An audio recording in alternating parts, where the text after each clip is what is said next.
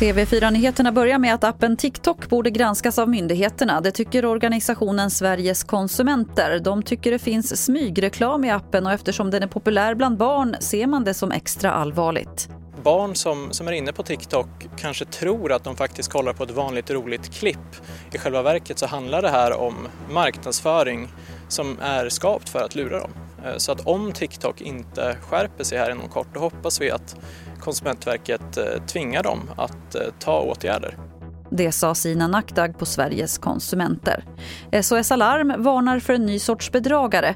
Bedrägerierna går ut på att personer som säger att de är från SOS Alarm ringer upp folk och lurar dem på pengar. Det kan till exempel vara så att de säger att man ska få pengar återbetalda. SOS Alarm säger att de aldrig ringer sådana samtal och att man ska polisanmäla om man blir utsatt. Till sist kan vi berätta att många företag ser mer positivt på framtiden nu om man jämför med tidigare under coronapandemin. Det här visar en undersökning som Svenskt Näringsliv gjort och som SR tittat på. Framtidstron gäller både anställningar och ökad försäljning. Men det skiljer sig åt beroende på bransch.